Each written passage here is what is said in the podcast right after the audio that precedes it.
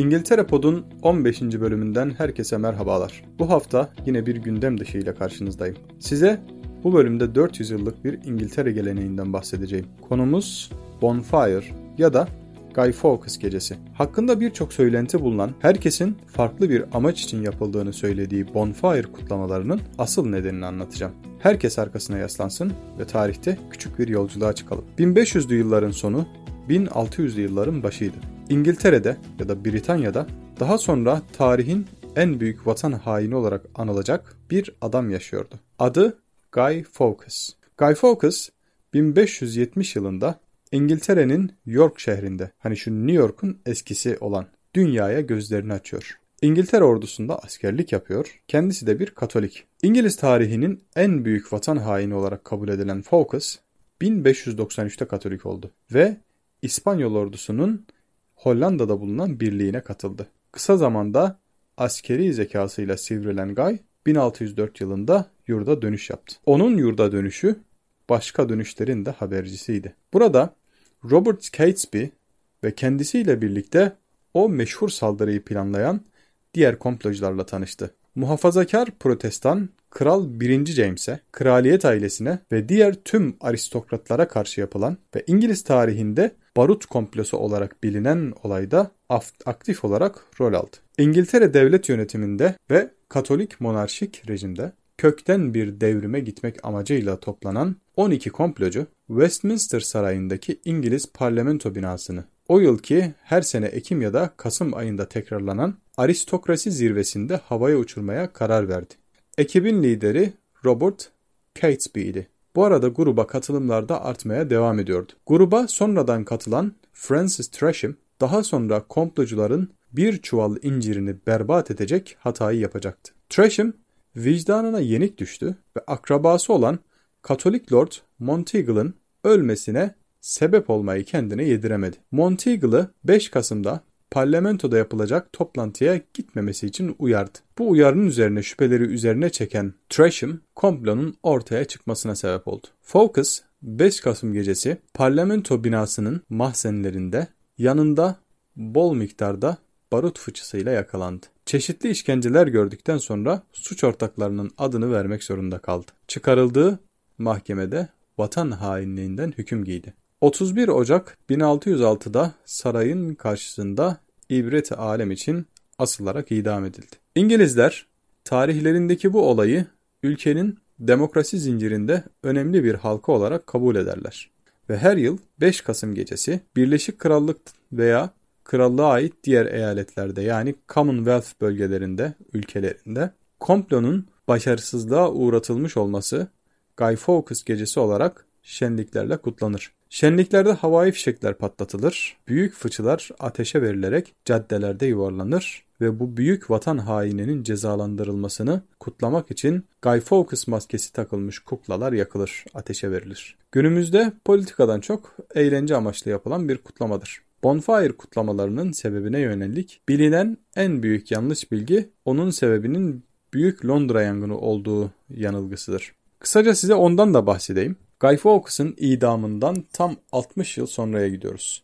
1666 yılına. Tahta Kral 2. Charles bulunuyor. İngiltere'de yangının toplumsal bir travmaya dönüşmesine, İngiltere'yi yangına karşı emniyet tedbirlerine paranoyak derecede dikkat eden bir ülke hal bir ülke haline getirmesine sebep olan Londra yangını.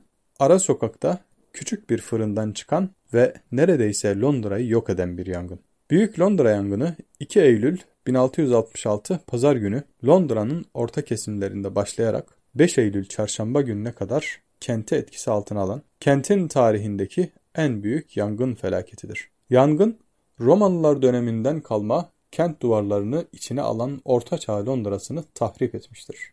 Soyluların yaşadığı bölge olan Westminster'ı, dönemin kralı 2. Charles'ın bulunduğu Whitehall Sarayı'nı ve gecekondu mahallelerini tehdit etmişse de yangın bu bölgelerde yıkıma neden olmadı. Yangın 13.200 evi, 87 mahalle kilisesini, St. Paul Katedrali'ni ve birçok resmi kurumun binasını yakıp kül etti. Kentin 80 bin sakininin yaklaşık 70 bininin bu yangında evini kaybettiği sanılmakta. Yangında yaşamını yitirenlerin sayısına ilişkin kesin bir bilgi yok. Ölenlerin sadece birkaçı kayda geçirilmiştir. Orta sınıfa mensup kişiler ile yoksulların ölümleri hiçbir zaman kaydedilmediği ve ateşin sıcaklığının insan vücudundan kalıntı bırakmayacak derecede yüksek olduğu göz önüne alındığından son dönemlerde ölü sayısının oldukça az olduğunun doğruluğu hakkında görüş ayrılıkları var. Yangın 2 Eylül günü gece yarısından hemen sonra Thomas Ferriner adlı bir kişinin işlettiği Pudding sokağındaki bulunan bir ekmek fırınında başladı. Hızla çevreye yayıldı. Dönemin başlıca yangın söndürme yöntemlerinin kullanılması ve belirli bölgelere set çekilme işlemi dönemin Londra Belediye Başkanı Thomas Bloodworth'un kararsızlığı nedeniyle büyük ölçüde gecikti. Pazar gününün gecesi harekete geçilmeye karar verildiğinde rüzgarın etkisiyle fırının olduğu bölgedeki ateşler fırtına ile birlikte hızla yayılmaya başlamıştı. Yangın pazartesi sabahı yönünü kuzeye, kentin kalbinin attığı noktaya çevirdi. Kentin sokaklarındaki asayiş ve durgunluk şüpheli yabancıların yangını kasten başlattıklarını söylese, söylentisinden dolayı bozuldu. Eş zamanlı olarak sürmekte olan 2. İngiltere-Hollanda Savaşı'nın etkisiyle kentte meydana çıkacak evsizler korkusu Fransızlar ve Hollandalılar üzerinde yoğunlaştı ve bu dönemde bu azınlık gruplar sokak saldırılarına uğradı.